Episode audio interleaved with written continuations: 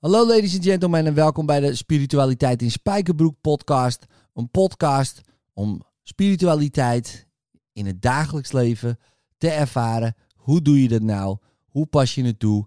Zonder dat je je yogamatje onder je arm hebt en het wierokie in je achterzak.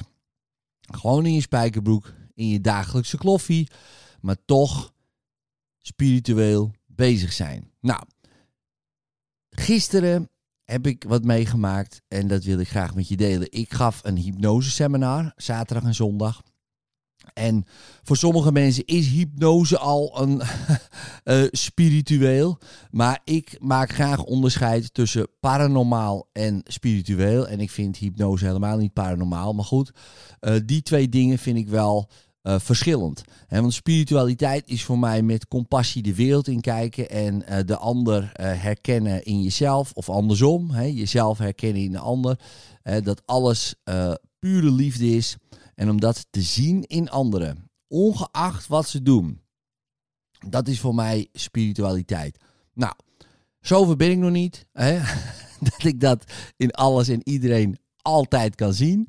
Um, maar ik ben op weg om dat voor elkaar te krijgen. En als je eenmaal een soort doel hebt gesteld, zou je kunnen zeggen, en je wil dat graag, dan zie je dat vanzelf steeds meer om je heen. Um, en dat is misschien voor jou ook wel een doel ja, om, uh, om te gaan willen bereiken. Dat weet ik dus niet. Maar goed, gisteren werkte ik met iemand en die, uh, en die deed een sessie. En ja, die wilde niet delen waarover het ging. Nou, hoeft dat ook niet. Dat is het mooie met hypnose. We kunnen gewoon secret therapy doen. Dus ik uh, bracht haar in hypnose. Ik zeg, uh, heb je een situatie uh, ja, waar, je, waar je vanaf wil? Hè, of waar je een andere kijk op wil hebben? Ja, zegt dat heb ik wel. Um, ik zeg, oké, hoe lang is dat ongeveer geleden? Hoe oud was je toen, toen het gebeurde? Zeven jaar. Ik zeg, oké, ga nu terug naar die situatie van zeven jaar. En zo kort ging het ongeveer. En ze kwam daar en ze, ik zag haar helemaal uh, ineenkrimpen en de gezicht. Uh, ik denk, oh jee, uh, en heel bang worden. Uh, ik zeg, nou, wil je delen wat er gebeurt? Nee, dat wilde ze niet, dat was te privé. Nou, dan heb ik al in mijn hoofd een paar dingen waarvan ik denk, misschien is dat wel aan de hand. Ik ga dat niet invullen. Nou, je kan zelf ook wel invullen, ja, wat zal daar gebeurd kunnen zijn? Ik zeg, wat had je, had je wat willen doen daar wat je niet hebt gedaan? Nou, dat had ze wel. Nou, ik zeg, uh, doe dat maar. Is dat uh, schreeuwen of zo? Of uh, dit? Ja, zeker. Nou, dus nou, doe maar. Doe maar gewoon in je hoofd. dus dat deed ze. wat zou je nog meer willen doen bij die, misschien bij die persoon? Was er, dus ik ging er even vanuit van die persoon, dat die er was. En dan hoor ik vanzelf wel, nee, er was geen persoon, er was dit. Oké, dan kan ik daar verder mee. Uh, maar zegt, oh ja, nou echt, uh, ik weet niet of dat... Uh, oh, ik zeg, iets ergs. ja. Nou, ik zeg, doe maar. En het klinkt heel gek, hè, dus, maar zij heeft die persoon dus in haar hoofd de meest verschrikkelijke dingen aangedaan. Ja, dus als je denkt, hè, is dat nou spiritueel, Ed? nou, uh, niet per se. Hè. Dit is gewoon um, de haat die het overneemt.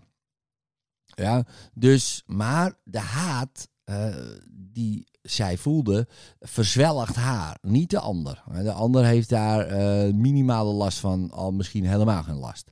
Ja, dus die heeft daar totaal geen last van. Dus zij in haar hoofd uh, misschien hem wel tien keer van de flat afgegooid. En ik maakte er een beetje geintje van. Ik zei, nou gooi hem nog maar vijf keer van de flat af. En ik maakte het al wat luchtiger. Van, het is natuurlijk verschrikkelijk wat je aan het doen bent met iemand. Maar waarschijnlijk heeft hij ook verschrikkelijke dingen uh, bij haar gedaan. Um, dat rechtvaardigt nog niet om iemand van een flat af te gooien. Maar goed, in je hoofd heb je de meest gekke fantasieën. En uit... Uh, ja, beleefdheid of misschien schuld of, uh, of denk je, ja, dat kan ik gewoon niet maken. Uh, speel je ze niet uit. En wat gebeurt er dan? Dan verzwelgt het jou. Want je wil het wel doen, maar je doet het niet. Je hebt daar allerlei gewetensvragen bij, wat logisch is. Dus ik maak er meestal een beetje een luchtig geintje van, zodat die haat van het hart af kan. Nou, op een gegeven moment was ze daar klaar mee. En ik zeg, kan je hem vergeven? Nee, dat uh, was absoluut niet. Dus ik zeg, nou, Oké, begrijp je hem? Nee, kan ik niet begrijpen. En zo ging ik door. Zo ging ik door. Dus ik begon met uh, de eerste stap is uh, vergeven. De tweede is begrijpen. En soms kan het andersom. Hè? Want ja, ik begrijp iemand wel. Oké, nou, als je hem begrijpt, kan je hem ook vergeven. Hè, maar als je niet kan begrijpen, dan beginnen we met vergeven. En het kan meestal ook. Meestal kunnen mensen dat ook niet. Hè, want, en dat gaat onder de noemer van. Geef ik je een kleine metafoor. Stel je voor, uh, je hebt een zoontje van een jaar of twee. En die stoot uh, per ongeluk iets om. Uh, een chocomelletje uh, op je witte kleed. Nou, dat is natuurlijk super shit. Hè, want ja, nou, dat kleedje kan je weggooien, want die chocomel krijg je niet meer uit. Um, moet je hem dan daarvoor vergeven? Je denkt, nee, natuurlijk niet. Je hoeft hem niet te vergeven. Hij maakt een fout, foutje. En het is heel vervelend, ja, dat wel. Maar dat is het dan. je weet gewoon, ja, hij is twee jaar. Hij, is, uh, hij deed niet expres. Ehm, laten we dat even aannemen, zeg maar. maar niet expres. Hij was een beetje stuntelig. Je denkt, ach ja, kan gebeuren. Super vervelend, maar het kan gebeuren. Nou, en omdat je het begrijpt, hoef je iemand niet te vergeven. Dus als je iemand het kan begrijpen, dus als je begrijpt waar iemand vandaan komt en je snapt waarom iemand de dingen doet die hij doet, hoef je hem ook niet te vergeven. He, ander voorbeeld, je rijdt op de snelweg, iemand zei ja, wat een eikel, dit en dat. Als je opeens hoort van ja, uh, zijn vrouw lag op de achterbank uh, uh, te bloeden en hij moest snel naar de eerste hulp. sorry, zeg maar. Dan denk je nee, nee, nee, laat maar jongen, ik begrijp het. Dan in één keer is het heel anders, dat hele verhaal. Dus, en zo is het altijd. Want iedereen heeft zijn verhaal. Begrijpen is het vergeven van de meester. Als je begrijpt, als je het echt begrijpt, echt begrijpt, hoef je niet te vergeven. Want je begrijpt het. Dus de volgende stap, en dat legde ik haar ook uit, is compassie. Dat je het erger vindt voor de ander dan voor jou. Want hoe een shit leven moet je wel niet hebben gehad, dat jij die dingen kan doen, moet doen of gaat doen. Ja, dus waarschijnlijk uh, heeft die persoon in kwestie haar misschien wel, weet ik veel, de meest verschrikkelijke dingen. Misschien wel uh, misbruik, misschien wel uh, geweld. Dat weten we niet. Dat weet ik ook niet. Hè, maar zo te zien, als je zoveel haat hebt naar iemand, dan is die kans best wel aan, aanzienlijk. Hè, maar stel je voor, je kan die switch maken. Dat je het erger vindt voor de verkrachter dan voor jou. Hè, compassie. Dan heb je er nooit meer last van. En stel je voor, je kan dat bij die persoon, dan kan je het bij iedereen.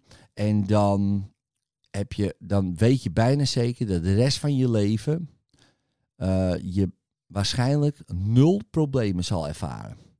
Natuurlijk zal je wel dingen meemaken, ook vervelende dingen. Maar als je dat kan, ja, dan overstijg je het. En dat legde ik haar uit. Nou, zeg ja, dat kan ik echt niet. Ik kan het niet begrijpen. Nou, bla bla bla. Uh, ik bleef doorgaan, doorgaan, doorgaan. En wat denk je?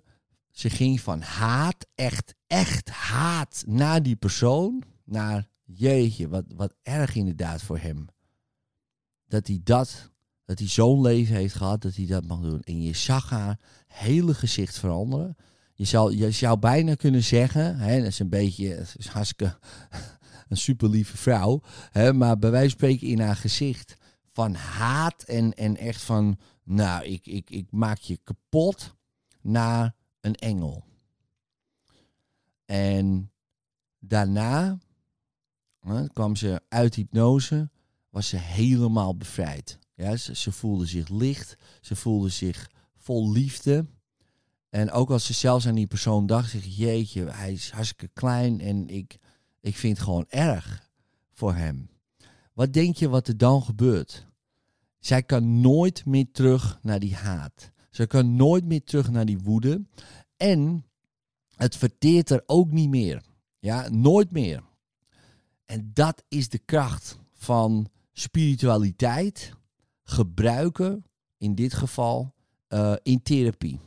En ik gebruik het op een hele luchtige manier dus ik, ik begin zelfs nog in een sessie, oh, gooi hem nog een keer van de flat. lekker spiritueel zou je kunnen zeggen. Zo van, hé, dat kan toch allemaal niet? En, uh, uh, nee, want ik weet uh, uit ervaring dat de haat moet eerst van het hart. eerst moet de fantasie, eerst zou je eens kunnen zeggen, je, je, is dat accepteren dat dat ook zo is. want dat mag er ook zijn. Alleen um, het moet wel even doorheen gewerkt worden. Je moet die schaduwen tussen haakjes dan, want eh, in principe is het allemaal één. Um, tussen haakjes moet je niet gaan onderdrukken. En dan maar net doen, oké, ik vergeef je wel. En dan en onderhuid zit je nog steeds, oh ja, maar als ik je zie, dan, dan poffer ik je neer. Ja, dat heeft geen zin. dus dat moet er eerst allemaal uit. Die woede, die wrok, die haat, die moet van het hart. En, en dan pas kan het hart ja, de volgende stap maken. Dus eerst het hoofd, begrijpen, ja ik begrijp het. En dan het hart, compassie. Nou, en, dan, en dan gaat vanzelf de rest van het lichaam mee. dus de buik gaat ook mee. Die voelt zich weer veilig, zeg maar. jij. Uh, en in één keer voel je je meer geaard met meer liefde. En, ja, je weet al, ten eerste is het verleden heel anders. Je voelt je bevrijd. Uh, ten tweede, je geeft al die trauma's niet meer door aan je kinderen. Dus die hoeven daar ook niet mee te dealen met die haat en die wrok en die woede en die, en die andere dingen. En angst misschien wel, of wat voor shit dan ook. En in de toekomst is het ook een stuk lichter voor je. Ja, dus even samengevat hè, hoe, ik, uh, hoe ik werk. Um, je zou kunnen zeggen begrijpen, vergeven, compassie. En soms vergeven, begrijpen, compassie. Maar ik begin vaak bij begrijpen. Omdat, omdat dat vaak mensen, ja, ja ik, ik begrijp mijn moeder wel, weet je wel. Ik, ik snap het ook wel. Nou, dan kan je ook vergeven. Ja, ja, ja, dan kan ik ook vergeven, want ik begrijp het. En dan heb ik de compassie.